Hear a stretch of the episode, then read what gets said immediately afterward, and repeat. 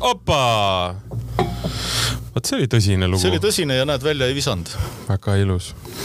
kork tuleb üles leida, kork on eksponaat teil pärast kuhugi sinna.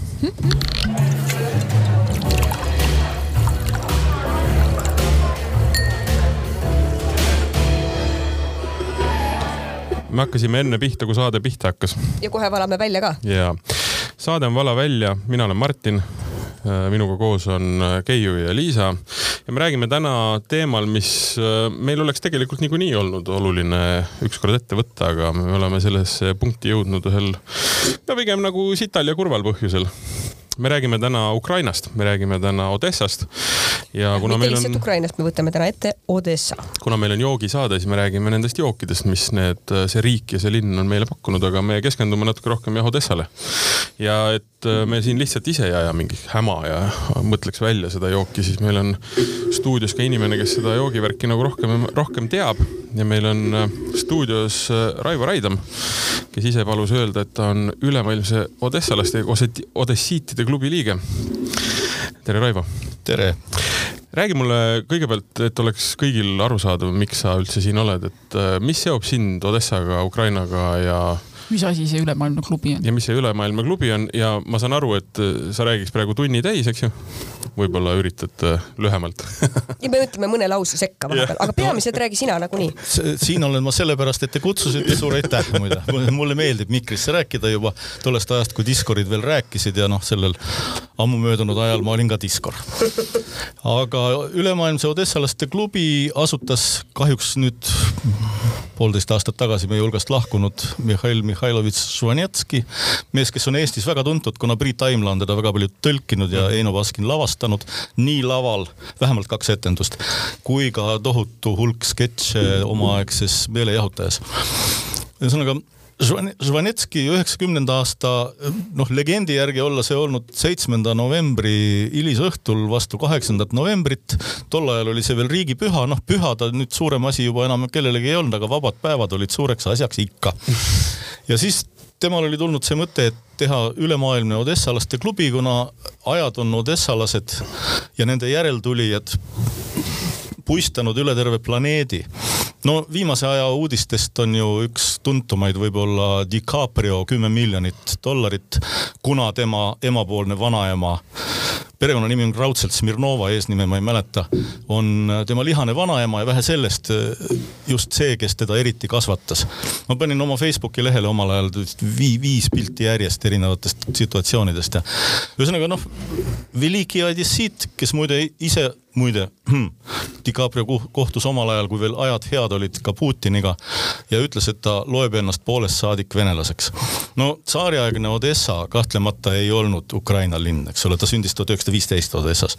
tsaariaegses Odessas loetigi, et nad on Vene impeeriumist, nad on venelased ja kes nad seal täpselt olid, ega tegelikult Odessas seda ei tee siiamaani kindlaks mitte kellegagi, see on niivõrd tohutult segatud veri ja terve plejaad geneetilisi fenomene, mis selle tagajärjel on muusikas, kirjanduses, kunstis, huumoris, ega siis Žvanetski ainus pole. ja see on isegi nende arhitektuuris mööda tänavaid näha, kui käite. ja Odessa on üks omaette maailm. Odessa oli nii-öelda impeeriumi lõunapealinn sisuliselt jah. Katariina Teine asutas äh, lõunasse Musta mereni lai, laiunud impeeriumi, no võideti ju Osmani, Osmani impeeriumi käest terved alad, kaasa arvatud Krimm. ja tegelikult, kui me nüüd vaatame ajalukku, tegemist on siiski kaheksateistkümnenda sajandiga, nii et meil ei ole mõtet nagu püüda tänase, noh, tänaste normidega hinnata, mida tehti kaheksateistkümnendal sajandil. mida ainuüksi tegelikult oma olemuselt tähendas suur Prantsuse revolutsioon, verepulm. ja sellegipoolest nimetatakse suureks. ja siis siis äh, nii-öelda noh, moslemite käest võideti kristlikule maailmale, kui me vaatame noh, suures plaanis. ja vahetevahel paljudes vaidlustes, millel mul, milles mul aeg-ajalt õnnestub osaleda, ma olen öelnud, et aga kuulge, kallid sõbrad, et kõik me teame tuhat üheksasada viisteist genotsiidi Armeenias. türklased, moslemid kui Katariina ei oleks seda kogu muud territooriumit ära võtnud, võib-olla me teaks veel mõnda genotsiidi mm. a la on ju nii? nii et noh, ma olen üldse selle, selle nagu sellise maailmavaate pooldaja, et, et lähtume gloobusest, mitte Euroopa kaardist vaatame gloobust, mitte maakaarti. ja kõike tuleb püüda võimalikult suures plaanis vaadata, siis on lihtsam mõista asjade olemust. siin kõige suurem plaan, mida me vaatame siin praegu on Odessa joogid, ma saan aru. osa on välja valatud. meil üks, üks on välja valatud Äh, ma tahtsin enne vahepeal veel seda öelda, et äh, ma kuskilt lugesin, et sa oled käinud Odessas kolmsada korda. rohkemgi. mina olen kolm korda käinud, nii et sada korda rohkem. mul on ainult üks, aga ma olen Isaac Paabeli suur sõber. ja Odessa on... no isiklikult ei õnnestunud, suri nelikümmend no sellega on ja pahasti ja, sellega oli väga pahasti, teatavasti ta ei surnud mitte loomulikku surma. Aga mina olin äh, sellel üheteistkümnenda aasta septembri alguse soojal suvepäeval Odessas sellesama Paabeli ausamba juures, mida avati kaks tuhat üksteist avati talle seal selle maja vastas üle tee, kus ta elas, Žukovski ja Richelieu. mis jooke sel puhul võeti? No seal tänaval ei võetud midagi, aga pärast oli muidugi suurepärane bankett ja seal võeti neid kõikvõimalikke, mida sealkandis tehakse, ega siis seal vähe ei tehta. enne kui me võib-olla jookide juurde lähme, ma küsiks ühe olulise asja. ei, me jõuame jookideni käia, ära üldse muretse selle pärast. mina olen käinud jah, ma ütlesin kolm korda, esimene kord ma sõitsin mootorrattaga sinna sisse ja ma kuidagi piiri pealt juba tundsin, et see on täitsa nagu minu koht. kirjelda natukene, mis teeb Odessa eriliseks? mootorratta kohta veel nii palju, et seal on väga suur kuulus Goblin Show, nende baikerite kokkutulek, kusjuures see toimub muide Luzanovka plaažil, see on siit, ütleme sealt Odessast siis mööda, mööda merd, sealt sinna äärelinna kus edasi juba läheb, läheb nagu Krimmi suunda ehk mis on siis ida suunas. Äh, sellel samal Luzanovka plaažil, mille kohta ilmusid fotod, et sinna pandi jalaväemiinid mm.. muidugi, mille peale ma kohe ehmatasin õudselt ära, kuna sealsamas kõrval on niinimetatud Odessa Lasnamäe ehk Posselok Katovskaja, kus elab kakssada viiskümmend tuhat elanikku ja poisikesi on seal kui palju tahes, eks ole. ja niisugused asjad, noh, poisikestele on olnud alati ohtlikult ligitõmbavad. Ma, ma väga loodan, et see on kõik seal juba demineeritud ja ma väga loodan, et see kõik lõpeb seal, noh, päevapealt ei lõpe, aga võimalikult ruttu. aga mis teeb Odessa eriliseks? Odessa teeb eriliseks see, et ta loodi sisuliselt tühjale kohale otsekohe niimoodi mauh, palju rahvuselisena. ma olen palju öelnud, et vot internatsionalism on see, mis oli Odessas, kus tulid, tuli rahvas kokku, erinevad rahvused, keeled ja kõik ja hakkasid koos linna tegema. Nad pidid üksteisega hakkama saama ja üldiselt elasid nad väga vahvalt, noh, kuni jah, kahekümnenda sajandi alguses. see pauh, millest sa räägid, see on ikkagi oluliselt varasem pauh, onju. tuhat seitsesada üheksakümmend neli asutatud, tuhat seitsesada üheksakümmend viis Katariina nimetas ta Odessaks, algul ta oli sellesama Hadži Bey kindlusasula järgi Hadži Bey. järgmisel aastal nimetati Odessaks ja see kuulus ajalooline vapp ähm, keisri kotkaga ja muide vabamüürlaste mingi tähisega. Ei ole enam mitte Katariina kinnitatud, vaid tema poja Paul Esimese kinnitatud aastal tuhat seitsesada üheksakümmend kaheksa. Paul kolme aasta pärast paraku tapeti. Ja eriliseks jah, see pauh teebki, et, et tuldi kokku, hakati ehitama, saadi hakkama ja siis, siis tuli ju lisaks sellele, et puhtinimlikult hakkama saada, tulid nad kõik ju oma kultuuridega. ja kõik nad andsid oma panuse, kusjuures kuna need linna esimesed juhid olid ju puha Euroopa väga arenenud riikidest Jose Deribas, kelle järgi on Deribasovskaja peatänav, ta oli Prantsuse admiral ehkki rahvuselt hispaanlane Vene keisriteenistuses. hertsog Emmanuel, Armand Emmanuel de Richelieu Prantsuse hertsog, kes põgenes sellesama suure Prantsuse revolutsiooni eest, muidu ta oleks giljotineeritud, astus Vene keisri, tol ajal veel keisrinna teenistusse, et jah, ikka vist oli siis veel Katariina elus. no ühesõnaga ta, ta tegi karjääri küll juba Aleksander Esimese ajal, temast sai Odessa linnapea, kogu Novorossija kindralkuberner, no Novorossija vahepeal muutus jube kurjaks sõnaks, aga tegelikult see on absoluutselt konkreetne ajalooline termin selle territooriumi kohta, mille siis Katariina teise ajal Vene impeerium võitis Osmani impeeriumilt muide, mulle tundub, et siiski selle nelja ja poole aasta jooksul, seal on peal Villimise kuupäev, kümnes oktoober kaks tuhat seitseteist selle nelja, nelja ja poole aasta jooksul natukene on ta juba vananenud, ehkki ta on brutt. millest me räägime, on äh, Odessa vahuvein. Äh, miks me seda joome, on see, et ähm, ähm kuidas, kuidas üldse Odessa hakkas vahuveini tootma, on ju see, et Louis Roederer, kes oli kuul... Henri, Henri, Henri, Henri, vabandust, Henri. Ähm, äh, oli nii-öelda oma siis äh, šampanjamaja teinud nii kuulsaks, et Vene keisrile põhimõtteliselt oli nii-öelda ihu Hiiu šampanjatootja, niisugune toode nagu Kristall oli ilusas, ilusas sillerdavas pudelis ja. Kristall just nimelt oli Louis ja on ka praegu. Kristall oli Louis just. on ka praegu. mul on need kõik need rööderid ja kõik sassis. aga põhimõtteliselt äh, nõudlus oli nii suur, et tal oli vaja nii-öelda tootmist laiendada, eks ju. no see on täpselt sama põhjus, miks A Le Coqi tehas on Tartus. tarbijale toodi tootmine lähemale, miks ing-, miks Inglismaalt vedada õlut, kui on võimalik teha õlletehas Peterburi külje alla peaaegu, eks ole. ja siin oli sama lugu, kusjuures selle, selle Vene eliidi veini ja eriti vahuveini ehk šampanja vaimustuse taga oli ju tegelikult see, et, et ajaloos on juhtunud imelisi asju kõigepealt prantslased marssisid läbi Moskva ja siis venelased marssisid Pariisi. ja marssimist juhtis mees, kelle mausoleum on Jõgevestel Lõuna-Eestis, Barclay de Tolly yeah.. nii, ja sellest hoolimata on nad läbi saanud aegade jooksul ikka päris hästi, kui hakata mõtlema, siis mõlemas maailmasõjas olid nad ju ka liitlased. ja vaadake, mis praegu toimub, eks ole, prantslased ikkagi laveerivad rohkem kui keegi teine, ega siis miski ei ole niisama, kõigil on omad põhjused ja juured. ja ega siis äh, Lauri Leesi muidu poleks hakanud prantsuse keele vastu huvi tundma, kui et äh, ta avastas, et sõda ja rahu algab prantsuse keeles. ja siis tal tekkis huvi, noh, seda on ta mulle ise rääkinud. Mul selle, selle, selle tagajärjel, et ma kunagi käisin tema juures prantsuse keelt õppimas, mind lihtsalt hullusti huvitas, et esiteks, mis keel see selline on ja teiseks huvitas mind veel rohkem, et mis mees see Lauri Leesi on. see oli see aeg, kui ta neid üksik, üksildase uitaja mõtisklusi avaldas ja kohvik Moskva all püstijala baaris moosipalle sõi ja, ja noh, ühesõnaga see oli see kaugelt-kaugelt enne lütseumi tegemist. ma parandan, teose nimi siiski on erioperatsioon ja rahu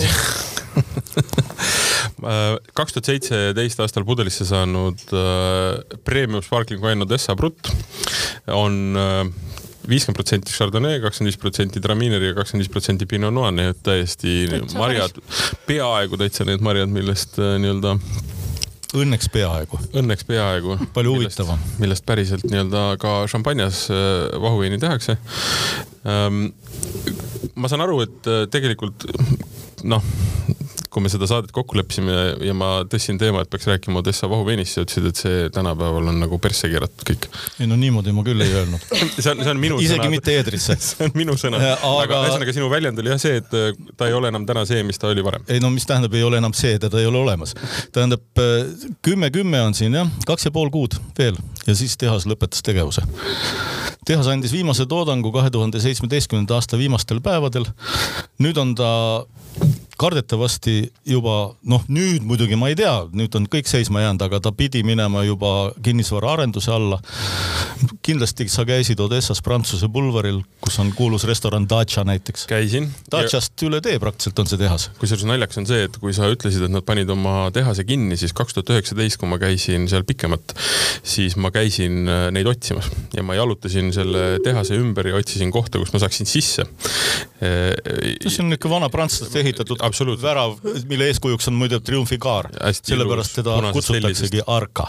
just, ja seal ei olnud kedagi ja ma mõtlesin, et see on niisugune ilus kolmapäevane päev, inimesed peaksid ju tööl olema, pood võiks ju ometigi lahti olla, kus ma saaksin head. selleks ajaks tehas ei töötanud juba kaks aastat. mina seda. käisin Dacias söömas ja noh, vaatasin ka, et seal kõrval on tore. mina, mina plaanisin alles minna sel aastal mina plaanisin kaks tuhat üksteist minna Süüriasse, aga sellega läks ka nagu. no vot, nende aga kuidas ma selle probleemi lahendasin, oli see, et kui me olime, kui ma olin üritanud leida seda Odessa vahuveinitehast ja nüüd tuleb välja, et see kinni oli, ma olin kurb.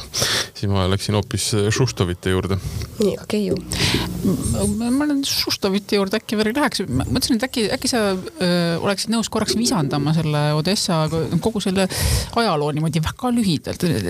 miks ta siis lõpuks kinni pandi, kuidas see asi arenes? tehas või? ja, ja ma saan aru, et alguses oli suur nõudlus, kõik läks otse rahvani, meie joome siin prutti, ehk siis taheti ka kvaliteetseid asju, mida ei tule niimoodi suhkrut sisse surada ja peita selle kõike muud ära. aga mis siis juhtus, kus see no, kui sellest, kui sellest rääkida, mis, mis seisus asi oli siin ütleme üheksakümnendatel, kui meie alustasime veebruaris üheksakümmend kolm, siis ma jäin kaks tuhat kolm lumevangi Kiievi lennu, Borispoli lennujaama, tohutu lumetorm oli, kusjuures korraga nii seal kui siin.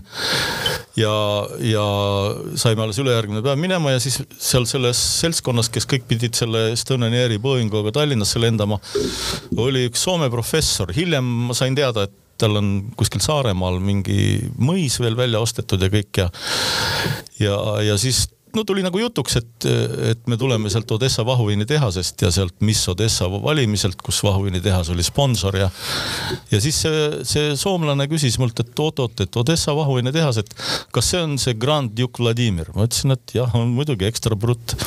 ta ütles, et see on minu sõbra Lennart Meri lemmikvahuvein. vot nii, edasi läks veel huvitavamaks, järgmisel aastal üheksakümne, järgmisel selles mõttes, et üheksakümmend viis võttis Gloriasse Dmitri Demjanov selle sisse ja ütles, et selle raha eest fantastiline vahuvein. aga järgmisel aastal sellest ehk üheksakümmend kuus kostitas äh, Lennart Meri Hillary Clintonit Grand Duke Vladimir Ekstra Brutiga Odessa tehaselt. noh, kõlbas küll. aga sellest muidugi aegade jooksul arenes välja see, et aastal kaks tuhat kaks parseldati see tehas maha. no miks ma ütlen, et mul on väga paljudest asjadest oma arvamus, ma olen olnud liiga lähedal sellele kõigele lihtsalt. See parseldati maha, nii nagu ob hobust mustlane parseldab. ja siis need, kes selle ära ostsid, kohalikud ärimehed, muide neile kuulub praegu ka Odessa lennujaam silmaringiks. et äh, nemad jälle tõmbasid äh, no ikka põhjalikult lohku maailma kuuenda alkoholitootja Grupo Campari, kes selle tehase aastal kaks tuhat kaheksa lõpp kõik uudisteagentuurid Reutersist alates olid seda uudist täis. Campari ostis Odessa vahuviini tehase. kahekümne teine detsember, peast kuupäeva öelda, millal õnnetus algas. kaheksateist koma üks miljonit dollarit. noh, edasi siis Campari pani sinna oma kohaliku Ukraina management'i, nemad olid kaugel, nemad olid suured, raha ka palju sellest mõne koha pealt mõistust vähe. ja siis algas muidugi lausvarastamine.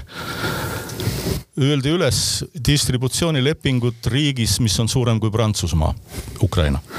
selleks, et sõlmida uusi ja sealt siis võtta enne altkäemaksu nendelt, kes selle võimaluse saavad.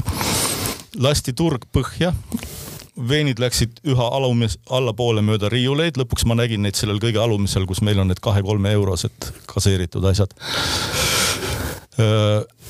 tegevuskahjum suudeti, ma olen kõik uudistest selle kõik kokku nokkinud ja kursside järgi välja arvutanud, tegevuskahjumiks suudeti keevitada viie aastaga viisteist miljonit USA dollarit, osteti kaheksateist koma ühe miljoniga.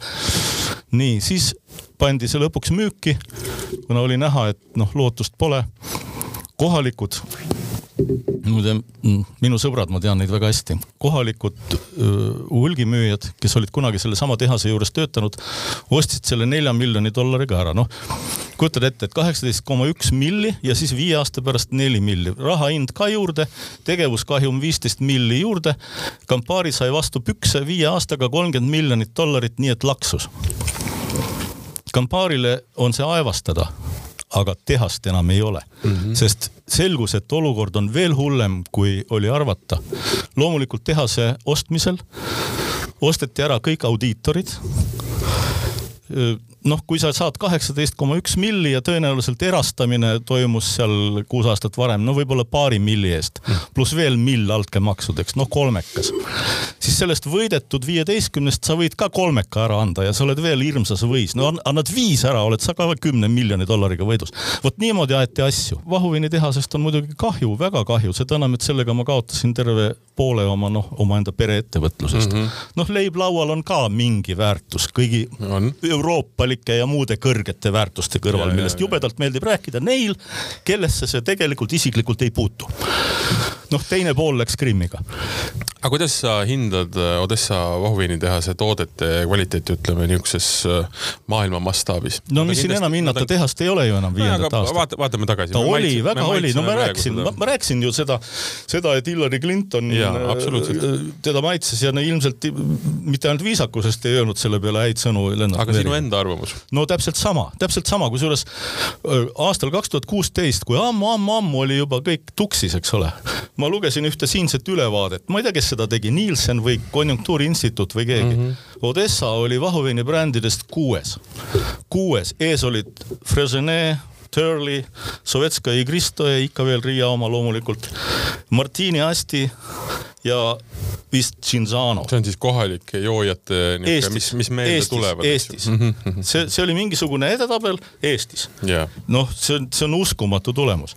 muidugi siin on see lugu, et kui meie ei oleks seda muidugi juhuslikult kahjuks minu juba surnud sõbra poolt üles korjatud võimalusena tegema hakanud üheksakümmend kolm ja seda teinud noh, entusiastlikult on vähe öeldud, võib-olla lausa fanaatiliselt, kuna meil oli see Odessa suhe niikuinii juba olnud üle, üle tosin aasta. Yeah.. et kõigele sellele inimlikule tuli nüüd kapitalismi õuele tulekuga ka veel ka võimalus leiba teenida juurde, noh, te kujutate ette, mismoodi vektorid näitasid positiivselt ühte, ühte suunda, eks ole. Yeah.. nii ja, ja selle, selle kõigega noh, kokku me saavutasime, no on olnud inimesi väga-väga asjatundjaid, kes on öelnud, et see, mida te Odessaga tegite, see on täiesti uskumatu.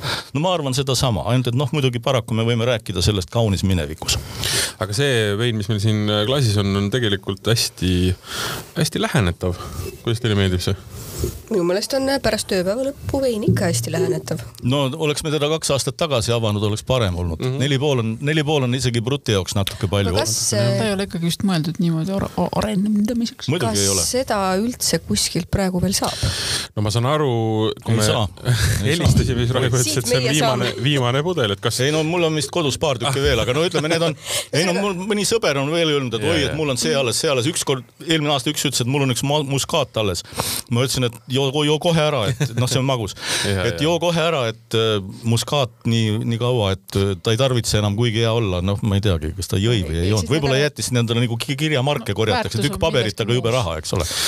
Nii et selles mõttes. me joome asja, mida on ju, ei kõigepealt me joome lihtsalt asja, mida enam ei tehta, tänu sellele keegi enam ei saa, aga kui me siin ülejäänud, meil on siin ka meeldivad kurgid laual ja nii edasi. ja hapukurk lihtsalt..., hapukurk mõisaproua Ukraina. mõisaproua, mis on Ukraina kurk, me joome minevikku, aga ka need kurgid, no ka neid ei tule siia juurde no vast tuleb, vast tuleb, ma olen muidugi nende asjade peale mõelnud, äh, tähendab noh, siin on üks asi on nüüd küsimus Venemaa toodangust ja teine asi on küsimus Ukraina toodangust. no Venemaa toodanguga on muidugi meil saanud siin järjekordset jaburust, sellepärast et kõik see, mis Eestisse varem sisse toodi, see oli sama hea kui Eesti kaup, tähendab meie kaupmehed olid selle kinni maksnud, need olid meie ladudes.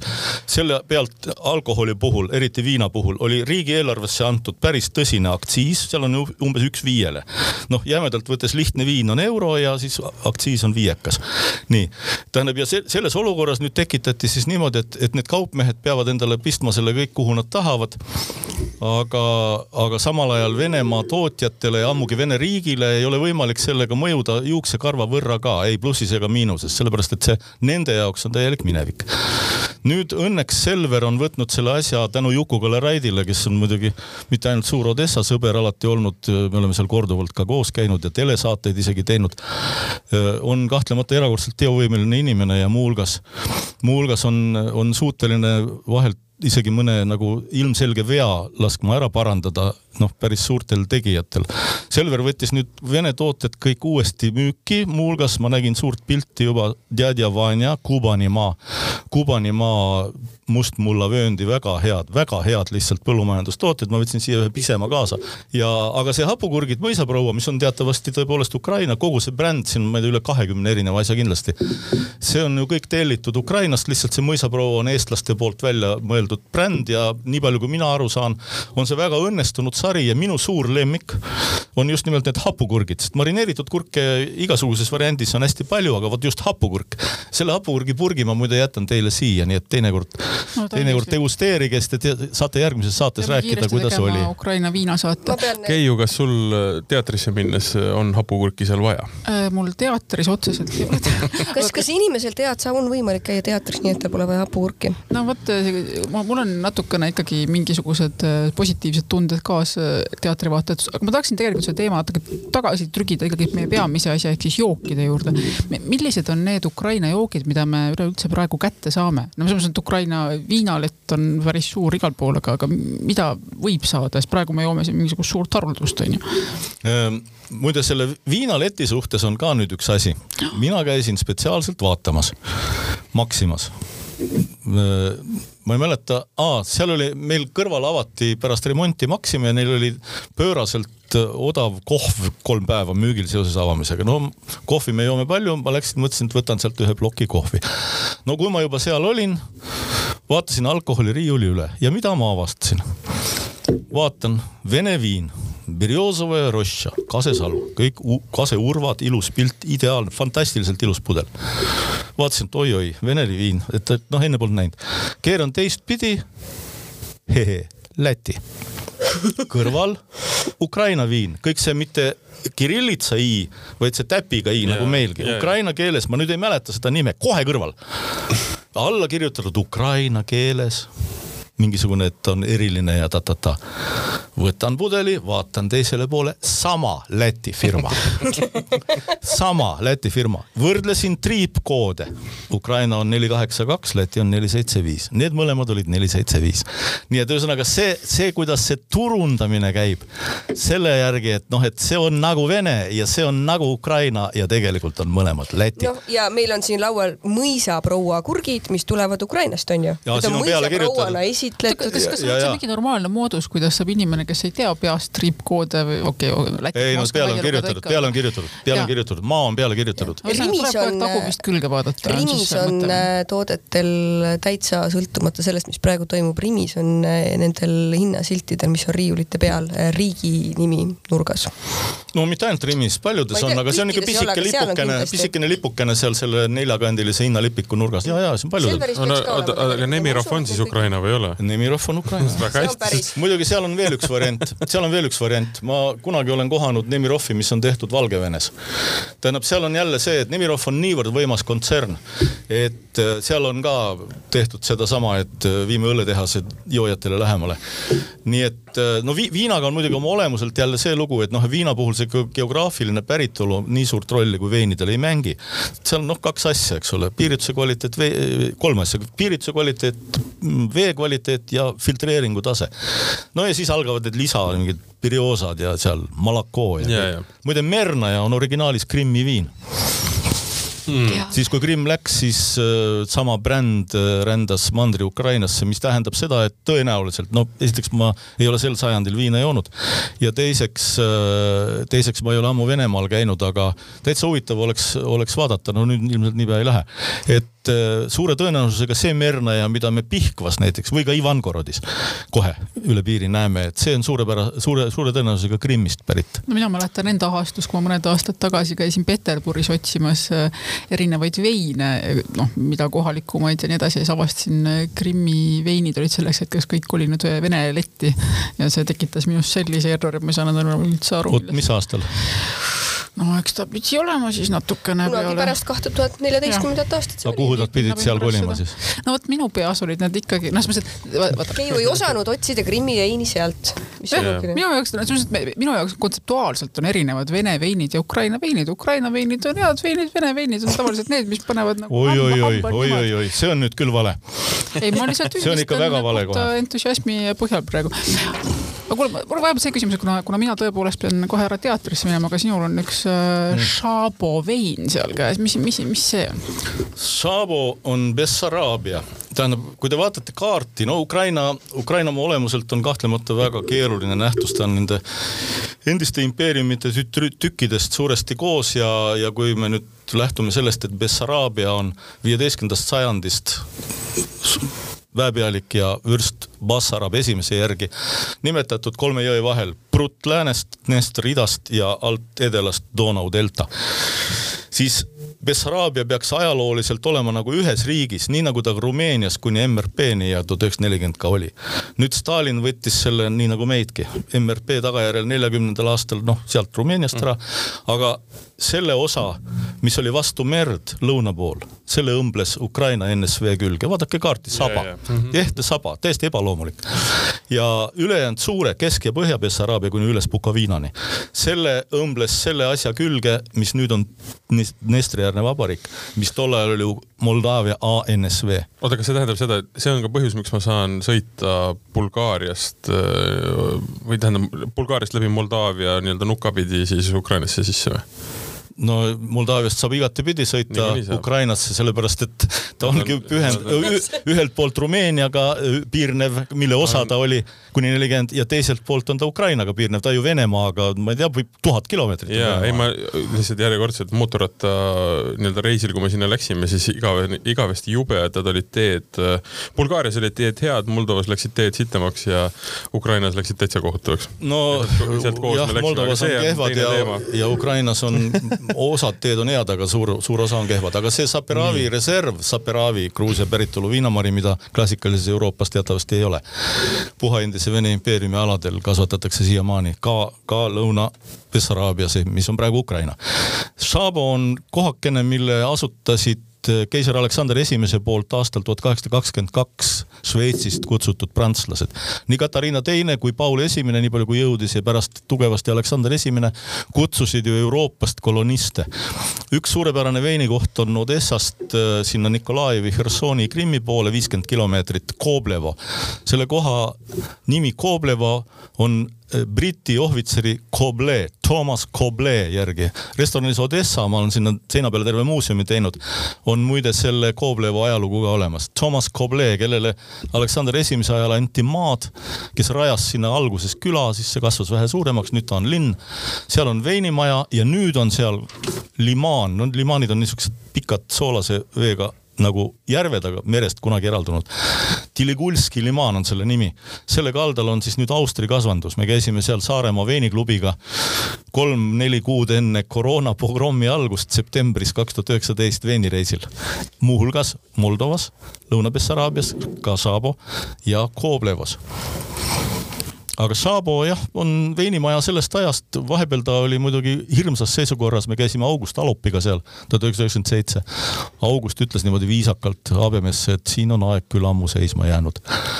aga praegu on ta maailma tasemel, Šabo on täiesti maailma tasemel veinikultuuri keskus, sinna on tehtud kunstigalerii, seal tehakse ekskursioone, nad avasid nüüd oma uue šampanjamaja.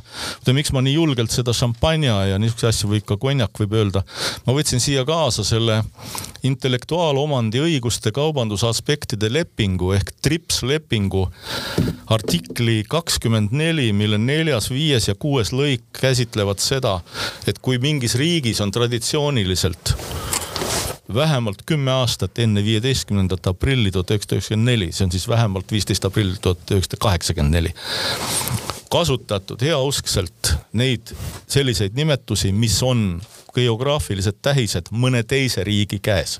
näiteks konjak mm, -hmm, Prantsusmaa mm, -hmm. portvein, Portugal ja nii edasi, grappa Itaalia. Äh, siis nad võivad neid siseriiklikult edasi kasutada. noh, siin on niisugune see formuleering nendes juriidilistes Euroopa dokumentides on muidugi täiesti oma, et miski selles osas ei kohusta liiget takistama mõne teise liikme teatud geograafilise tähise jätkuvat ja samalaadset kasutamist, mis seostab veine, kangide alkohoolseid jooke ja nii edasi. ühesõnaga idee on selles, et Ukrainas siseriiklikult konjak on konjak, šampanskaja on šampanskaja grapat ei saa sellepärast et grappa ei olnud traditsiooniline, aga konjak ja šampanske olid. sama vaatame... on Armeenia, sama ja, on Venemaa, sama on Gruusia, sama on Moldova. sest kui me räägime maailma joogi nii-öelda siis siukest äh, hierarhiseerimisest, siis see on niisugune kolmekümnendate, eelmise sajandi kolmekümnendate teema pigem, et kus hakati väga konkreetselt. alates tuhat üheksasada üheksateist esimesed no, olid šampanja, konjak. jah, ja sealt edasi põhimõtteliselt hakati nii-öelda määrama kinni seda, et mis see on, mida sa, mida sa toodad ja, ja, ja, ja võtma nii-öelda see nime endale aga, aga üks nendest näiteks näidetest on nii-öelda ka Šuštovi siis konjaki tehas. ja nemad võitsid, äh, paranda, kui ma eksin, aga ma aastaarvu ei hakka ütlema, aga kuskil tuhat kaheksasada üheksakümmend midagi. Olid nad äh, Prantsusmaal ju võistlustel oma konjakiga. no tuhat üheksasada oli Odessa vahuvini tehas, sai Grand Prix. ja oma, oma, oma nii-öelda siis äh, nii-öelda brändiga võitsid põhimõtteliselt kõiki prantslasi ja said õiguse kasutada Sama, oma, oma maas. ei, mingit õigust nad sellega ei saanud, see õigus oli neil niigi. aga, aga nad võitsid samamoodi nagu sealsamas linnas Šambi tehas võitis šampanjade mhm, klassis mm. -hmm. ehtsad šampanjat tegid ju prantslased sel ajal Odessas, sest sellist regulatsiooni veel ei olnud. et nad ei, olid, pidid seda tegema ainult oma oma kodus šampanja departamangus. aga siin on mul näete üks kaart võetud, kus on näha, kus kohas Saabo asub. Saabo asub Bordeaux'ga üks-ühel, üks-ühel sama laiuskraadil, noh. kaasasolevatest materjalidest leidsin ma veel ka ühe kauni äh, äh, vahuveinilõigukese meistri Margaritast. no see on Venemaa, Abraudjurso. aga see on Musta mere ääres ju.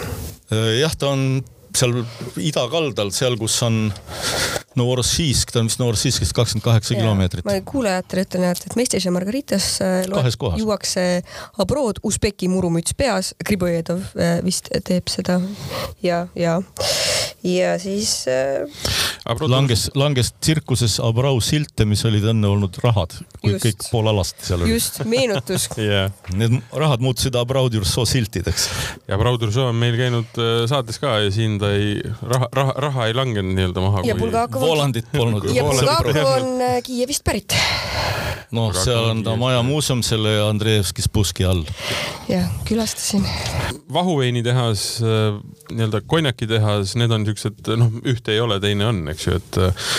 ei no konjakitehaseid on veelgi peale Schuster. absoluutselt, ma tahtsingi jõuda sinnani, et need on kaks asja, mida me oleme maininud, et äh, mis on veel need joogid, mille pärast me tegelikult Odessat nii-öelda teame, tunneme ja, ja peaksime teadma?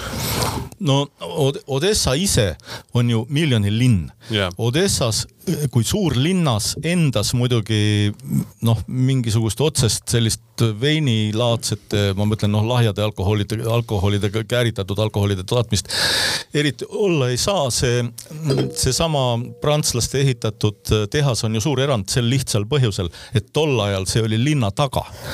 siis see ei olnud ju linn, siis see oli noh, Priigorod mm, -hmm. linnatagune ala ja, ja, ja. sealt veel edasi Priigorodis sündis ju Anna Ahmatova mm, -hmm. nüüd on seal fontannil selle tänava nimi, Ahmatova tänav, kus ta sündis. nii et see, me peame jällegi vaatama asju omas ajas, eks ole, et üks asi on, mismoodi see ala nägi välja tuhat kaheksasada üheksakümmend kuus, eks ole, ja hoopis teine asi on, mis, mismoodi ta näeb välja praegu. siis oli Odessa muidugi, kui me Varssavit ei arvesta, mis oli kolmas tegelikult, eh, oli impeeriumi kolmas linn Peterburi ja Moskva järel, mis mõlemad olid miljon täis ja Odessas oli nelisada neli tuhat elanikku. aga tol ajal ei olnud ju mingeid mägesid, eks ole, see nelisada neli tuhat oli ikkagi selline ajalooline, meie mõistes kesklinn.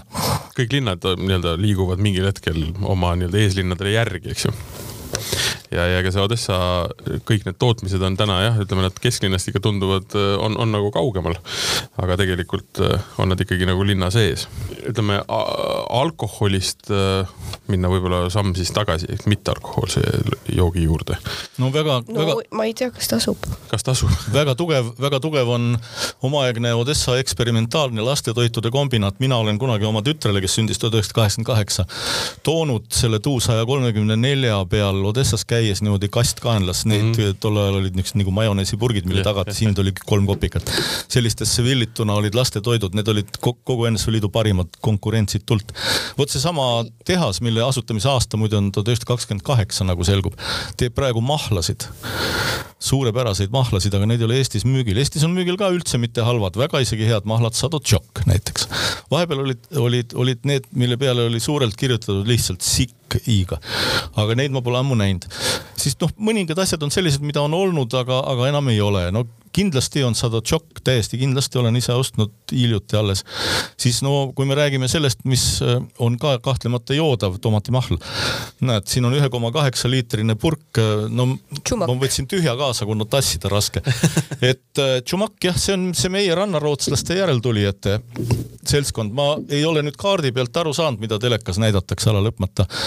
kus nad nüüd on need nagu need vallutused sealt Krimmist üles on liikunud, et kas, kas nüüd see osa on juba ka ka võetud, kus on need meie rannarootslaste Katariina teise ajal küüditatud, noh, Näki madalad, Herman Sergo raamat, sealt ju kõik need getterid mm. sealtsamast. et äh, kas see on ka nüüd juba võetud või mitte, aga ühesõnaga selle koha nimi oli kas Kahovka või Novaja Kahovka ja Jaan Hein, kunagine suursaadik Kiievis on rääkinud mulle, et tema käis sealkandis kohapeal ja, ja leidis isegi paar päris vana naisterahvast, kes rääkisid veel rootsi keelt sealt Lõuna-Ukrainast. ja vot see Tšumak on nende ühisettevõte, nii nagu meil tegi see Finest Hotel Group, kes Palassi hotelli hakkas renoveerima ja pärast asutas siin Eesti Ekspressi, noh, nagu öeldakse, lähedal sellele, kus me istume. et äh, sellise ühisettevõtte nii-öelda päris rootslastega ehk siis Rootsimaa rootslastega. ja vot seesama ühisettevõte on nüüdseks siis Orkla Foods kontsernis. muidugi see on muide, see on muide värskelt pressitud tomatimahl, see ei ole kontsentraadist. Tšumakiga, Tšumak teeb ka head ketšupit. mitte ainult, näed, siin on tomatipasta, palun, hea väike oli jälle tuua kaasa. selle ma võtsin. kuna ma olen suur Maxima sõber, siis Tšumaki on seal kõik riiulil täis. Maxima, Maximas on palju, tähendab, ma võtsin tegelikult selle pasta, miks? Sellepärast, et sellel suurel purgil, nagu te näete, on, on Tšumak ladina tähtedega CH, jah yeah.. aga sellel pastal on kirillitsas, no mm. teatavasti ukraina keel kasutab sama kirillitsat, mis venekeelsel on, et mõned tähed lisaks. ja, ja seetõttu noh, et, et, et ka veel korra isegi seda nagu alla kriipsutada, et, et ärge nüüd, kallid sõbrad, kirillitsat küll hakake ründama, noh, siin on seda ründamist olnud juba nii, et lihtsalt aheta yeah., et kirillitsat kasutab ukraina keel ka, et seetõttu, kui te näete, et ei olegi ladina tähtedega, vaid hoopis kirillitsas, et see veel ei tähenda, eks Teate, ole. mulle tuli selle peale meelde üks kaunis lugu, sellest on juba päris palju aastaid möödas, aga kas ei olnud mitte kirjanik härra Hargla, kes ühel hetkel teatas, et tema enam ei kavatse osta piima, kuhu ka Malakoo peale on kirjutatud ja, ja muide, siin on veel üks, siin on veel üks Ukraina asi, mida nagu esimese hooga võib-olla ei tule selle peale, et see on Ukraina. noh, nimi on küll Runa, noh, Runa justkui millelegi viitab, aga noh, see on mingisugune no, nimi seal. all algab Krasnodarski, soos firmennõi, siis on läti keeles sama lugu ja siis on kirjutatud ideaalne для приготовления блюд, puha vene keeles, eks ole, kole lugu. aga kui aga keerata, ideaalne kaste. kui keerata külg ette, siis me loeme, et see on Ukraina mm. -hmm. Neid saab äh,. Runa, Runa, väiksed niisugused purgid. Runa Ruunat, kas mitte ei saa ka realiseerimiskeskustes just, just, realiseerimiskeskuses on muide mitte ainult, mitte ainult Ruunat, vaid palju muud veel.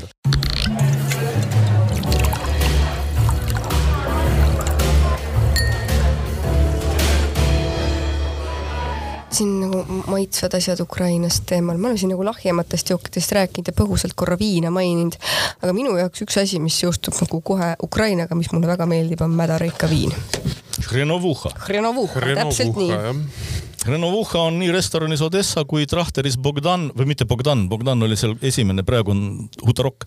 Hutarok, Hutarok mõlemas olemas. muide Hutaroki kohta veel, Odessas on erakordselt kihvt Ukraina rahvusrestoran Kumanets samal tänaval, kus kuulus ooperiteater mm. -hmm. ja see on, see on mitte ainult fantastiline menüü, mis on terve raamat ja kõik on olemas ja, ja, ja kõik, kõik, kõik, kõik, kõik on super, super, aga kõigele lisaks on seal erakordselt hea, maitsekas ja stiilne sisekujundus. ja vot see meie Hutorok meenutab mulle seda Kumanetsi mm. -hmm. tähendab, seda tegi keegi Ukraina tädi, ma ise nägin, kui ta seal neid umbes toonekurge paigutas seal aknalauale ja noh, seal on väga-väga kihvt sisekujundus. jah, kontrollisin internetist üle, ka seal ma käisin. Mul on tunne, et ma ka olen käinud. oli väga meeldiv.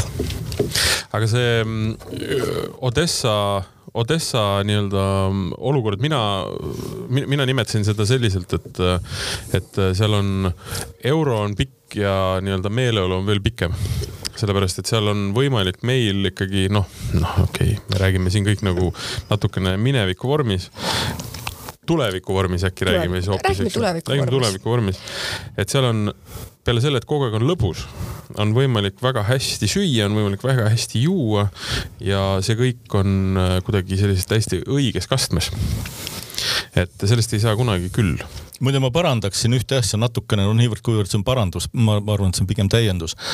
ma lugesin läbi selle su loo äh, Odessa restoranis yeah. Tallinnas, Pikk tänav kolmkümmend. see on ju Odessa perekond, Jura ja Tanja. äh,. noh, kes ka nendesamade neljateistkümnenda aasta sündmuste ja kõige järgneva tagajärjel kolisid Tallinna. no Jural on vanem õde siin ammul abiel, abiellumise kaudu, mistõttu ta teadis, et siin no, on väga hea. tulid, äh, tulid natukene pikema ringiga. no Dubai kaudu jah, kuna see Dubai, Dubai business, Dubai ja Odessa sadama vahel, noh, see oligi noh, selle, selle äralõhkumine oligi see põhjus, miks nad tulid mm -hmm. eelkõige. ja, ja seal oli Forsmakist juttu, tähendab Forsmak tegelikult. Vo, vo, vo, väga hea, vabandust, pean ütlema, mul on nüüd, nüüd suur rõõm ja jätkame Forsmak Forsmak originaalis on Põhja-Poola vaeste juutide roog, Läänemere kalad. ja kuna koos Poola jagamisega saadi endale poole Poolaga mm -hmm. kaasa ka paar miljonit juuti yeah. ja nendest suur osa siis kolis ju Odessasse kui väga vabasse linna omas yeah, ajas yeah. ja ta tõid oma Forsmaki sinna kaasa. ja kuna nad on niivõrd tugeva aktsendi andnud sellesse Odessa kööki, siis nagu Forsmak tundub, et ongi nagu justkui mingisugune Odessa või Lõuna-Ukraina äh, roog. täpne ongi öelda Lõuna-Ukraina, kuna Odessa pole ainus koht, kus oli palju juute. sealkandis on mitmeid linnu, kus oli juutidest e-, elanike enamik mm enne teist maailmasõda ja, ja ammugi veel varem. ja, ja see Forschmack, see vot see vaeste Poola juutide roog sealt Põhja-Poolast on siis jah jõudnud selliseks Odessa köögi nagu üheks hittidest, kusjuures no, muide kas maailmas on veel mõni linn, mille kohta saab öelda, et sel linnal on oma köök? mitte maa ega rahvas, vaid linn minule ei tule ette küll praegu jah. et Odessa on ikkagi Odessa lõpuks köök. linn ja Odessal on oma köök, vahel öeldakse küll, et isegi Juura, ma lugesin, ütles, et, et ei ole nagu Odessa kööki, et, et, et see on segu sellest, sellest, sellest, aga see ongi ju Odessa köök, see segu ongi Odessa köök mm. -hmm. Odesskaja kuhnia on täiesti ametlik termin, mida võib lugeda Odessa restoranidel. kas me räägime ka nagu siltidelt. oma kuulajatele, mis asi see Forschmack on? Äh, me võime rääkida, mis Forschmack on, ta on heeringas. heeringapõhine roog. heeringa, heeringa nii-öelda mass. põhimõtteliselt on siukene nagu eestlane ütleks võib-olla isegi heeringasalat selle kohta või. ütleme, teda süüakse, sa leivaga, saiaga. ta on muidugi eelroog, ta on muidugi eelroog. Äh, mis on võib-olla oluline fakt ja huvitav fakt on see, et ta oli äh, Mannerheimi lemmiktoit. no tsaari armee koolitusega, tsaari, tsaari sõjakooli lõpetanud ja noh, loomulikult. minu jaoks oli noh, äh, Forschmacki olin ma ka mujal varem kohanud, aga selline selline üks asi, mis nagu juudi, niisugust Ida-Euroopa juudi köögist eriti käib läbi äh,, millest ma miskipärast olin varem lugenud ainult raamatutest, oli gefilte fish mm, -hmm. mis ei ole nagu selline noh, võib-olla nagu kõige nagu Odessale omasem asi otseselt, aga no ei ta on, aga, aga selles mõttes, et ma, mulle tundub, et nagu Forschmackile mõtleks ma enne, aga gefilte fish'i ei olnud mina no, kuskil varem söönud enne seda. see on keeruline roog ja..., ma olen Juuralt küsinud, miks sa ei tee, ta ütles, et see on nii keeruline ja, ja raske ja, teha. Et... tava, tihtipeale gefilte fish'i pakutakse peaaegu siukse kalakotleti ilmelise mhm. asjana mm, -hmm. aga gefilte fish traditsiooniliselt siiski on siuke nagu ühesõnaga sihuke keedetud kalast tehtud mass, mis on kalanaha siis kala sisse topitud kala, on see traditsioon. see ongi täidetud kala. just ja. nimelt ja et täpselt see fish, mida see nimi ütleb, mida tavaliselt võib kohata just nimelt nagu, nagu ma ütlesin, siukse kalakotletina, aga vot Odessas see on ikka õigesti kala sisse topitud kala ma ütleks ühe roa kohta veel paar sõna, millega on siin nalja saanud. nimelt kuskil artiklis isegi oli küll jutumärkides kirjutatud, et baklažaani kaaviar. muidugi ja. ma sain ka kohe sotti, kust viga pärit on. Nad on oma uue inglisekeelse menüü variandi, tähendab Odessa menüü originaal on venekeelne, eks ole, tõlked on eesti ja inglise keeles, kolm minutit. Nad on inglisekeelsesse kirjutanud selle, et see on kaaviar, see on nüüd Ikra, jäme jah. viga. see on mõtled, jäme viga. sa mõtled konkreetselt restoran Odessa Tallinnas? just Tallinnas, restorani, millest see jõudis ka, ma ei mäleta, kas see oli Brit Roseni loos või kus see oli, oli jõudnud sealt menüüst ka sinna artiklisse. tegelikult see on muidugi viga, kuna baklažaanid muide Odessa keeles on sininki ja selle originaalnimetus sellel rool on ikra is sininki. nii, vot ikraga on nüüd see lugu nagu eesti keeles sõnaga kuu, et ühest küljest kaheteistkümnendik aastast ja teisest küljest paistab taevas, eks ole. ja siin on sama lugu, et ikra vene keeles tähendab ühest küljest kalamarja, kas siis punast või val- või, või, või musta ja teisest küljest ta tähendab vot seda asja, mille nimi on ikra isinenkih ja te, selle vaste eesti keeles ja eestikeelses menüüs see muide ka nii on, minu tungival soovitusel mm. -hmm. eelmises oli püree pealegi ta ei ole püree, ta on ikka pigem hästi peeneks hakitud. nii, ja eestikeelses menüüs ongi õigesti baklažaani, tühik, ikra. võib ka kokku kirjutada, see on nüüd filoloogiline küsimus. okay.. kahe A-ga, eesti keeles kahe A-ga, eesti keeles on kalamari on üks sõna ja ikra kahe A-ga on teine sõna, mis mõlemad vene keeles on ikra ühe A-ga ja kirillitsas mm. -hmm. ja vot seda võib nendesse, nende erinevate kaubamärkide, mida me siin mainisime, nende purkidest ka leida poest. Need, vot need ei kõlba, need ei kõlba see ei ole loomulikult nagu üldse seesama see asi. see ei kõlba üldse mitte kuhugi, ütleme otse. minu meelest on tegemist nagu meeldiva möginaga. ja just nimelt mögi Me... ja ebameeldivaks on ka raske tulen... nimetada. ei no minu meelest on see meeldiv mögi. ma tulen korraks tagasi, ma tean äh, üsna täpselt, kus see nii-öelda ikra kaaviariks saamine ehk siis äh, äh kalamarjaks saamise lihtsalt tõlkides. teekond on, on see, et äh, kõik nii-öelda inglisekeelsed retseptid, mis on saadaval näiteks Youtube'is, mida ka täit-, täitsa nii-öelda Odessa kokad teevad. kuidas nad tõlgivad ikra nad peavad selle tõlkima nii-öelda kaaviariks. aga miks nad peavad? Nad tõlgivad seda. no ja see, ei seda küll, aga miks nad siis, peavad no,? Nad ei pea, no, ei pea, see aga, ei ole õige. aga, aga meie võtame sealt kaaviar ja nii ta läheb, eks ju. mis tähendab seda, et ta tegelikult on jah, ei, ei ole, ei ole kindlasti see. ta ei ole ju sinnapoole ka ole, mitte ühegi näitaja poolest. ei, ta ei ole mögin, aga ta on selline, ütleme noh, üks, üks üks plöga ole? mõnusamaid masse no see on ka jällegi väga. roog nagu borš või seljanka, igal Jaa. perenaisel on oma, ma olen Odessas neid ikrais sininki söönud oi milliseid variante nii söögikohtades kui kodudes. et kuulaja saaks tea, saaks aru, millest me räägime, siis see on baklažaan, mis röstitakse, mille sisu läheb pehmeks, võetakse nii-öelda põhimõtteliselt hakitakse, no ta juba iseenesest läheb siukseks. ja, ja tomat kooritakse. tomat kooritakse, mis on ka nii-öelda grillilt läbi lastud või siis ma olen näinud, kuidas lihtsalt gaasiahju peal põletatakse nii-öelda kest maha, eks ju.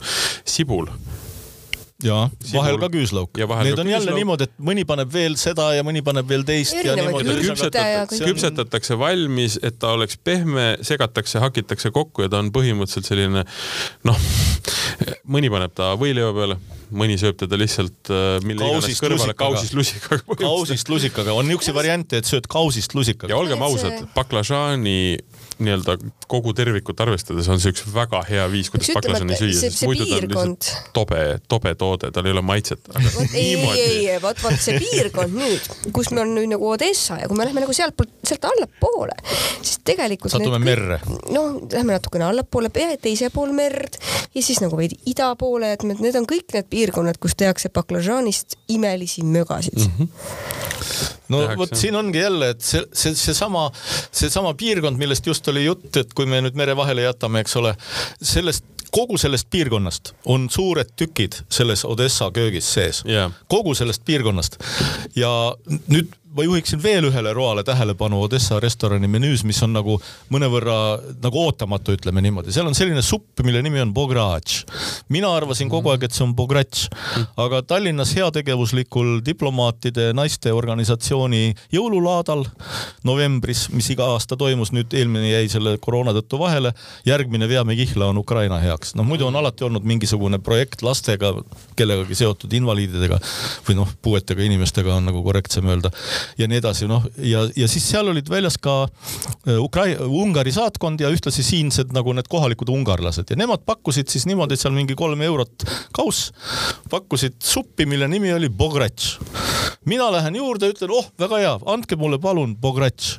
ja siis see tüdruk, see ungarlanna siinne, ütleb mulle selges eesti keeles, et see ei ole bogratš, see on bogratš. ja selgitab mulle, et bogratš on see suur pada, mille sees Taga-Karpaatia ungarlased kodus seda õues lõkke peal teevad või siis ka kodus elava tule peal, kui mahub ja kui pada väga suur ei ole. ühesõnaga, et bograč pidavat olema see pada ja see supp, mis seal tehakse, see on see, mille kohta ma tavaliselt ütlen, et meestele see on supp, naistele see on praad.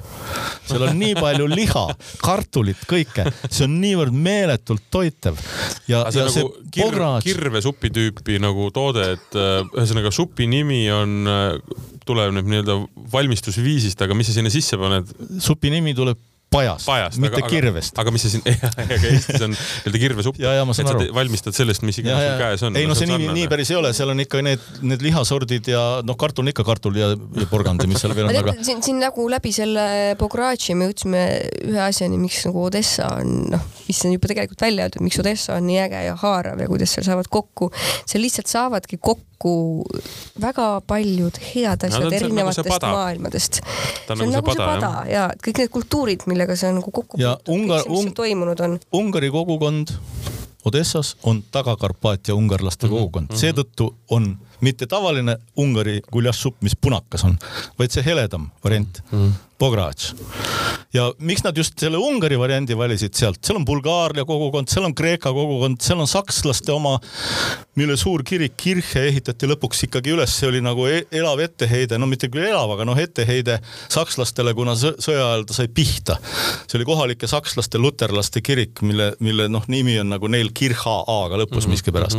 Saksa keeles peaks Kirche olema E-ga, aga nendel on see Kircha, selle vastas üle tee muide kohe on konservatoorium, nüüd muusik, muusikaakadeemia nagu meilgi, mille professor Kaljo Müülberg, puhast verd eestlane, kelle poeg Sergei Kaljovitš Müülberg on Odessa ooperiteatri, Jumaliku ooperiteatri direktori asetäitja, kelle isiklikul loal Jüri Aarma ja Tiina Park said teha etenduse ajal süžee oma saatesse Reisile minuga Odessa, sest võtted on keelatud. direktori asetäitja isiklikul loal lubati veerand tundi võtta. Odessa ooperiteater, mis on La Scala järgi tema. ta ei ole mitte millegi järgi, vot see on jälle järjekordne vale legend. tähendab, võtke, võtke, võtke Helmer ja Fellner, aja, need kaks arhitekti Vikipeediast kasvõi ja vaadake temal, nende loetelu, seal on mingi nelikümmend kaks ooperimaja Lvovis ja Prahas ja ma ei tea, kus kõik veel. ja nüüd te näete, et see Viini oma, mille järgi justkui olevat tehtud, on tehtud kolm aastat hiljem, no see on nagu time machine, eks ole, on ju no niimoodi need legendid sünnivad. see ei vasta tõele. legendi jõud on võimas. ta on muidugi sarnane, ta on muidugi sarnane, ainult et Viini oma on Odessa sarnane, mitte vastupidi. aga kas ma eksin, kui ma ütlen seda, et äh, ütleme, saal ja selle kõla ja selle nii-öelda heli äh, siis nii-öelda äh, liikumine on La Scala järgi seal. no mina arvan, et, et kõikvõimalikud ooperi, mina arvan, et kõikvõimalikud sellise taseme ooperiteatrid maailmas on sama akustika järgi tehtud. akustika on ikkagi nagu noh, füüsika, eks ole, see on helilainete levimine ja nii edasi. ja kui, kui vaadata nagu ooperiteatrite sisemusi, siis rohkem kui üks kord olen ma arvanud, et oi, Odessa ooper, aga ei olnud mm. -hmm. ühesõnaga, nad on seest kaunis sarnased, need ooperiteatrid. aga see ooperiteater on üks väga-väga ilus hoone, seal ümber on elu. Seal ja, muide ja... ma, ma soovitaksin veel ühele asjale tähelepanu pöörata. ooperiteatri kõige ilusam osa seest ei ole mitte peauksest otse, seal ei ole praktiliselt midagi, vaid külgedelt ja külgedel, kui te õuest vaatate, lähevad sellised kaldteed, lähevad selliste justkui rõdude alla mm -hmm. ja need olid sellepärast, et kui tehas või kui see teater ehitati, ta sai valmis, kui ma ei eksi, tuhat kaheksasada kaheksakümmend seitse ja sinna tõldadega sõideti kohale oma õhturiietes, siis oli tarvis nagu vihma korral, eks ole, tulla kuiva koha peal välja ja siis sa lähed küljeuksest sisse, neid on kaks mõlemal pool. ja sealt avanevad need hiiglaslikud trepid, need mm. kõik pildistavad alati, mis on täiesti oh, no, fantastiline oh,. tegelikult peauks oli lihtsalt ainult. Äh, no peauks on selle jaoks, et fassaadi juures peab ikka uks ka olema, noh uks peab olema. et noh, fassaad on ikkagi fassaad, kõik ja, need kujud ja mis seal ja, on, see noh, imeilus teater muidugi, imeilus teater. me loodame väga, et see säilib, kusjuures mul tuli meelde Odessast lihtsalt üks, mitte küll ilu poolest võrreldav koht kuidagi ooperiteatriga, aga Richelieuskajal oli selline äh, kaunis tol hetkel, kui ma seal käisin, suhteliselt värskelt isegi avatud selline toiduturg, no mis on vana mm. turuhoone, selline klassikaline asi, mida nagu no, totaalne hipster toiduturg. see, mida tehakse tegelikult kõikjal maailmas, aga noh, see oli selline Odessa pärane, kus olid kahel korrusel kõikvõimalikud toidukohad mm,. see on vana kino ju mingi kolm-neli maja ooperiteatrist otse vasakule. ei, see on nagu jah, ta läheb nagu ooperiteatrist lähed sa nagu ooperiteater on sellega ristuval tänaval. ei saa olla, ei saa olla, ooperiteatri eest algab Rišeljevskaja okay,, kui astud ooperiteatrist välja, siis lähed mööda Rišeljevskajat Vaksali poole. see oli Lenini tänav nõukogude ajal muide. ühesõnaga Rišel-, jah, see on ah., aga see on suhteliselt lähedal sellele selline turuhoone. samasugune tehti Kiievisse samade meeste poolt muide. ja vot, need on. seal andis ju president, president Zelenskõi andis seal oma esimesel ametiajal pressikonverentsi suure mm -hmm. sealsamal Kiievi turul. ja, aga see on selline imeline turg, kus olid äh, väga palju veini, väga palju kohalikku veini sealjuures, austreid, kalu, kõiki muid loomi, keda seal süüa saad. aga vaat praegu seal on, praegu seal äh, kogutakse siis üldse, äh, varusid sõjaväele. kui me üldse turgudest rääkima hakkasime, siis minu arust Odessa turg, mis on, jah, on koht, mille kohta saab öelda päris mitmes filmis on seda sõnumit kasutatud, aga ma ütlen, et, et kui sa sealt turult seda ei leia, siis seda pole olemas kusjuures Odessas on ju tegelikult huvitav on, huvitav on see, et üldse mitte, mitte kehvem, ehkki küll väiksem turg on Novi Rõõnak, uus turg. tegelikult uus turg on nagu Pont Neuf Pariisis mm, -hmm. uus sild, kõige vanem. sama lugu Odessas nüüd, uus turg on vanem. aga muidugi Privos on jah, nagu suurem ja Privos on nagu noh, ta on, ta on nagu veel suuresti nagu legendideks kirjutatud ka ja, ja niimoodi, ühesõnaga see, ta on nagu suurem veel, kui ta tegelikult nagu olekski justkui. aga Dmitri Demjanov oli meie rühmaga kaks tuhat kaheksa septembris Odessas ja, ja tema pärast kuskil siin kirjutas, et ta ei ole elus selliseid kalu näinud nagu Rõõbnõi Rjatil. absoluutselt, absoluutselt. Aga, aga mina käisin kaks tuhat üheksateist ja vaata, siis oli vist aega ikka piisavalt palju mööda läinud, et natukene minu jaoks oli see niisugune naturaalsus võib-olla liig nojah, eks ta, eks ta võiks nagu natukene parem välja näha küll, nõus. aga muide, vahepeal peaks ütlema ka, et kus Tallinnas mõningaid neid äh, Šabo kasvõi jooke saab. ainult ühes, peale restorani Odessa ja Hutorocki, kus nad mõlemas muidugi on, äh, kaasa osta tean ainult mina ühte poodi, seda toob üks nišiettevõte maale, vot, vot noh, enne ma rääkisin, et näiteks neid Venemaa asju tihtipeale toovad sellised väiksed ettevõtted, kellel on kunagi ammustest aegadest isiklikud sidemed ja nii edasi ja, ja vot seesama jama, et nüüd neile nende kaup järsku piraki mitte ainult kätte ei jää, vaid lausa tagasi tuleb mm. -hmm. ja vot seesama väike nišiettevõte, Odessa taustaga poiss, Saša on ta nimi, kes toob maale neid äh, Šabo asju, tal on muu äri tegelikult see. ma ei, ma ei saa üldse aru, kuidas ta selle Šabo asjadega nagu vee peal on, kuna seda on nii vähestes kohtades. järelikult käive on nii aeglane, aga näiteks konjakitel on aktsiisimark on jube kallis. Mm.. annad riigile selle raha ju kogu aeg ära ette. ja see, see pood on Kaupmehe tänava ja Liivalaia nurgal, see on see maja, mis on Kaupmehe ja Gentmanni vahel, seal on üksainus maja on kahe tänava vahel, tema aadress on Liivalaia kakskümmend üheksa. seal on nurga peal on alkoholipood, kohe üle tee on vana linnuvabriku grillimaja, kus nüüd on uus kasutuskeskus, vot see nurk, vot seal nurgas on ja ma käisin täna või eile, ei eile käisin läbi jah seal olid müügil päris mitmed need brändid, ehk siis noh, kohapeal on nad konjakid, siin on nad brändid, mingi viis-kuus ja siis seal oli müügil muide erakordselt hea asi. küll on hea, et ma ei unustanud sellest rääkida. see on see, mis, mida tuleks nimetada grappa, kui tohiks, aga ei tohi. ja seetõttu ta on grape vodka Grape vodka. no viinamarja viin. absoluutselt. aga ta on oma olemuselt ja tehnoloogialt grappa, mida tehakse sealsamas Šabos ja, ja tal on kõigele lisaks imeilus pudel. sel, nende tühjade pudelitega muide, kui, kui see tühjaks juuakse, siis äh, Jura ja Tanja soovijatele ja neid muide on, müüvad soodushinnaga hrenavuhat kaasa restoranist. sinna pudelisse? jaa, tühjadesse oh,, nendesse grappa pudelitesse. milline pakkumine ja, ja pudel on sellise korgiga, nagu olid nõukogude ajal, kui võib-olla noh, ma ei tea, võib-olla te ei mäleta, olite liiga väiksed, aga nõukogude ajal olid sellised karaffinid. Vene kontorites olid ka tihtipeale laua peal karaffinid ja mhm. karaffinil oli siuke hiiglaslik klaaskork, plõnn käis peale. ilma igasuguse ju lisandita, eks ju, lihtsalt. jah, lihtsalt niisama ja, ja. ja vot samasugune kork on sellel pudelil, ainult et wow. seal on selline õrn plastik ka, et, et hermeeti-, et hermeetilisust tagada. vaata seal joogivesi, noh, ta ei pea nüüd nii hermeetiline sul laua peal olema, hommikul võtad uue, eks ole. siis muidugi see, see viin nelikümmend kraadi, see nagu peaks ikkagi kuude kaupa nagu kuidagi hermeetiline olema. ja need ja. inimesed, kes viina joovad, noh, mul on ikka päris palju tuttavaid selliseid ja osa nendest ikka noh, teevad väga suurt vahet, mida nad joovad mm. -hmm. Need kõik peaaegu on mulle öelnud, et see on suurepärane viin, et ta on küll omapärane, kuna ta on viinamarjadest ikkagi noh.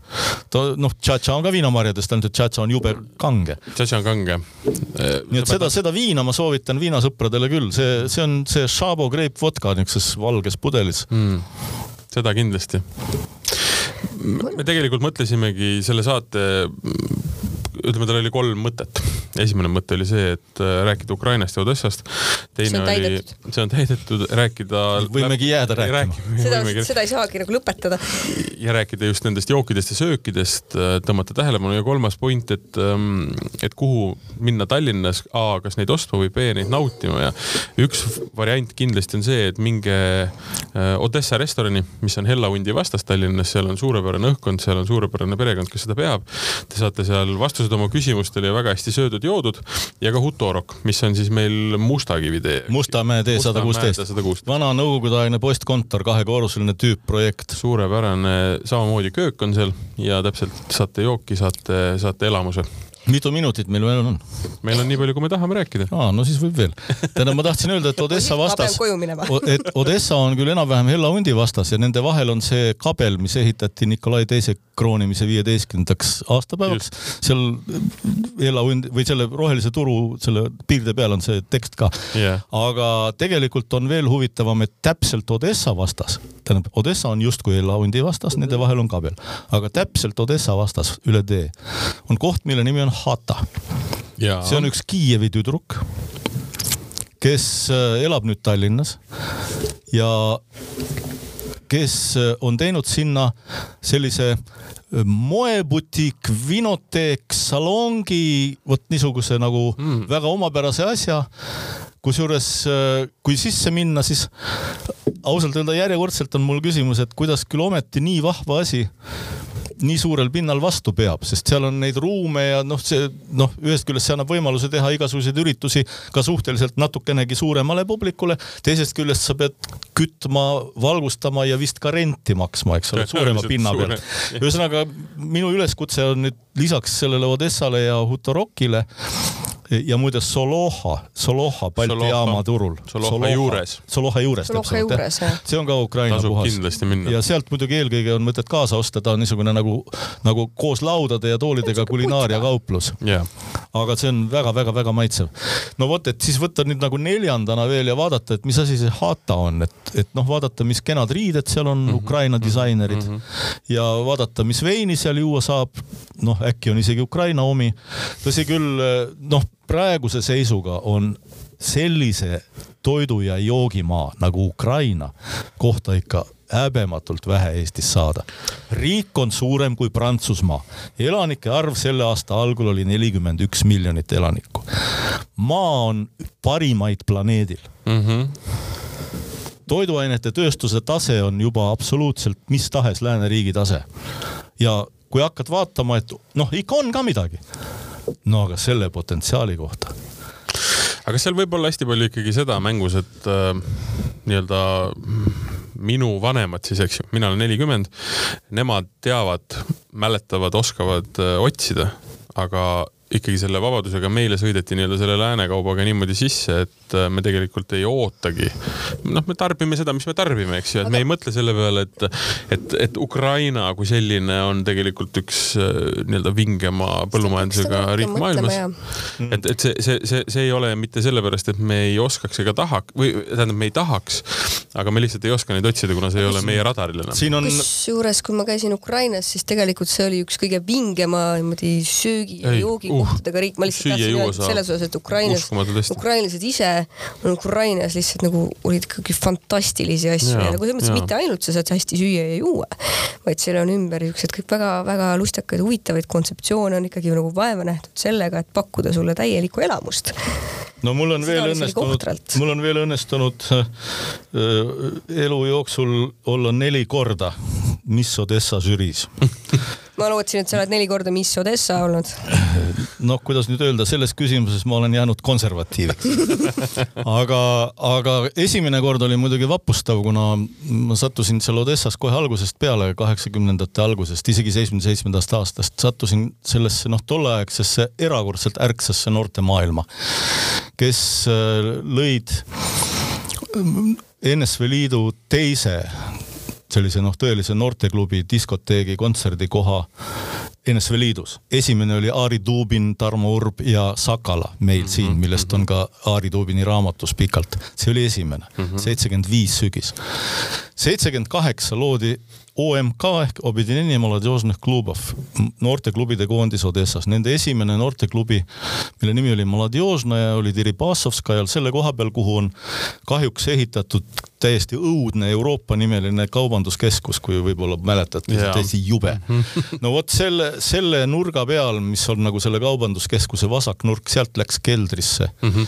läks keldrisse ja, ja seal oli veel see vahva lugu, et tualettruum asus kaks, kaks maja edasi hoovi peal, nii et ühesõnaga ukse peal, kui sa ostsid pileti, mis maksis algul viiskümmend kopikat ja siis vist seitsekümmend, kaheksakümmend ja lõpuks maksis terve rubla, siis sa said mingi kontramargi, mille esitamisel sa siis said käia nagu vetsus. noh, aasta oli tuhat üheksasada seitsekümmend kaheksa.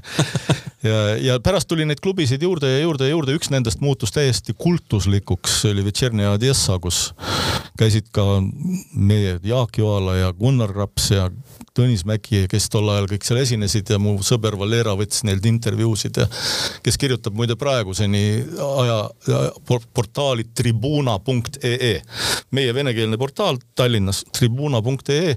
tema kirjutaski suure loo muide näiteks Kaljo Müülbergist ja tema pojast Sergei Kaljovitšist Mm. kes muide ütleb kohe esimese asjana, et Patsu ja Estoniats ja noh, nagu on väga nagu Eesti sõbralik ja alati, kui, kui ma olen talle sinna mõnikord lausa nagu saatnud inimesi pisut kaela peale, no selles mõttes, et kui on mingi võimalus, et mingi kajastus või midagi, no li lihtsalt niisama ei ole ka nagu ilus inimesele. no ühesõnaga, noh, ma oskan väga hinnata külalislahkust, aga ma püüan ka seda mitte kuritarvitada mm. -hmm. ma olen oma elus saanud selle külalislahkuse osa, osaluseks meeletult nii Moldaavias, Moldovas, Ukrainas kui ka Venemaal kuni Kuriili saareni Iturupp ehk Etorofu jaapanipäraselt mm, -hmm. üks neist neljast, kus ma ka kaks korda käinud olen, nii et Kamtšatkal ja Sahalinil igal pool, ühesõnaga ma, ma nagu seda maailma, ma arvan, et ikka kuskil niimoodi circa kuuskümmend üheksa ma käisin esimest korda Leningradis. nii et palju siis möödas on, viiskümmend kaks kuskil aastat. ma arvan, et selle viiekümne kahe aasta jooksul ma ikkagi noh, olen na, nagu mõndagi näinud ja kuulnud ja, ja järeldanud ja õppinud ja, ja ütleme noh, noh, et, et, et nüüd selline katastroof on põhjuseks, et me nüüd siin või noh, ütleme mitte põhjuseks, no ütleme ajendiks mm. -hmm. põhjus on ikkagi see, et need on fantastilised tooted yeah. ja et see on fantastiline maa, see on, see on põhjus. aga et noh, ajend on nagu, ajend on ikka täiesti katastroofiline.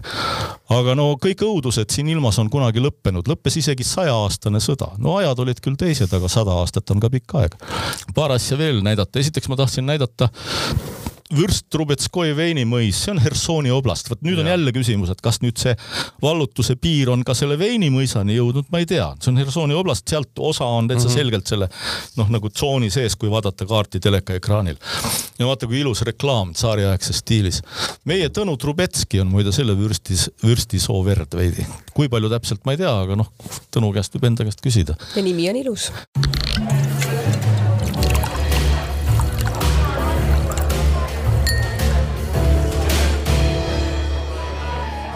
Aga Moldova, Moldova ütleme, tulek võib olla täiesti ees, sellepärast et ma täna olin ühel koolitusel, kus ma vaatasin näiteks äh, sellist andmestikku, kus äh, nii-öelda see uus generatsioon, kes on tegelikult käinud Prantsusmaa kooli saanud ja kes on äh, nii-öelda uuesti seda veinimaastikku seal nii-öelda kündmas, on istutanud vanade sortide otsa, mis on tegelikult nii-öelda Moldova ja ka Rumeenias üsna samad nii-öelda see Fatanesca, Alba, Regala ja Negra, eks ju, on ka uued marjad ja näiteks ma arvan, et ma ei eksi, kui ma ütlen, et maailma top viie hulka kuulub Moldova Pinot Noir kasvatamise osas.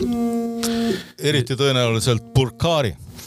Negrute Burkari on vein, mida kunagi kuningakoda Briti oma tellis. mis tähendab seda, et, et tuleviku mõttes on täiesti oodata Moldovast asju, kui seal me läheb, läheb hästi ma arvan, me ei suuda ära selgitada inimestele kõike seda, mis on Ukrainas, aga vot, see on üks huvitav asi, ma olen alati selle peale mõelnud, et äh, öeldakse, et on maailm, mille suure, mille sees on veel suurem maailm, on teine maailm, mis on suurem kui see maailm, mis on väljaspool. Ja mul on tunne, et Odessa on üks selline linn, mis on nagu maailma sees, mis on nii-öelda, kui me võtame Ukraina ja ta on ikkagi palju suurem isegi veel kui Ukraina, kuigi Ukraina on suur, eks ju. no Odessa nagu, hämmastavalt on... palju maitseid ja hämmastavalt palju, mida kogeda. nagu Juku-Kalle Raid ütles, Odessa on planeet. vaevalt ta eriti, vaevalt ta eriti eksis, kui ta niivõrd paljude muude asjadega on pihta saanud. keerleb täpselt äh, selles mõttes tõesti nagu planeet sinna, kuhu ta ise tahab. meil jäi rääkimata veel äh, kogu Krimmi lugu, mis on täitsa, ütleme, mitte ühte, aga võib-olla seitset saadet väärt. ma arvan, et Odessaga me suudame rääkida veel umbes kolm, kolm. kuni, kuni seitse saadet. Ähm, Lviv vajaks paari saadet. Lviv vajaks paari saadet, üleüldse Ukraina on üks uskumatult äge koht, sõbralikud inimesed, süüa saab seal hästi, juua saab seal hästi. ma olen, ütleme niimoodi, et kui ma, kui ma hakkaksin mõtlema selle peale, mis on minu šokk, siis ma arvan, et ma istuksin siia nurka ja mitmeid päevi ei räägiks. Aga selle, sellest ei ole kellelegi kasu, et see, mis seal toimub, on muidugi täiesti arulage. nüüd muidugi arvesta palun, kui palju võrreldes sinuga on mul seal tuttavaid no. isiklik, no häid tuttavaid no, ja lausa sõpru. ja, ja, ja lihtsalt inimesi, noh, keda ma tean mm, -hmm. aga kellega ma võib-olla ei olegi päris tuttav, kes ühel või teisel alal on väljapaistvad, sest ma olen seal siiski liikunud päris kihvtides ringkondades kõik see nelikümmend viis aastat. mul on väga hea meel, Raivo, et sa tulid ja, ja ma arvan, et me võiksime rääkida siin noh päevi ah muidugi võiks rääkida, see noh, ütleme nagu ma juba korra ütlesin, et ajend, ajend on paha. muidu on kõik hästi, aga ajend ei kõlba kuhugi. selle mõttega me lõpetame, see on suurepärane mõte. Äh, me rääkisime Odessast, me rääkisime Ukrainast. Äh, see jama peab seal kiiresti lõppema, me peame tegema kõik selleks, et see seal lõpeks. mida me saame teha, võib-olla siin nii-öelda turvalises Tallinnas, eks ju, on see, et me naudime ja toetame Ukrainat läbi selle, et me jah, naudime tooteid. toetame neid jooke. inimesi, kes on siia jõudnud. just, olgugi, et neid on vähe, me siiski teeme seda kõike ikkagi täpselt nii soojalt, kui need tooted on sealtpoolt nii-öelda pudelisse ja purki pandud. kõik see nimekiri nendest kohtadest, kus äh, Ukraina tooteid saab, me paneme nii-öelda artiklisse kirja ja juhatame teid sinna. minge sööge Odessa restoranis, äh, minge Hutorokisse, Ukraina nii-öelda laiemat äh, siis kööki. Hutorok. Hutorok, just.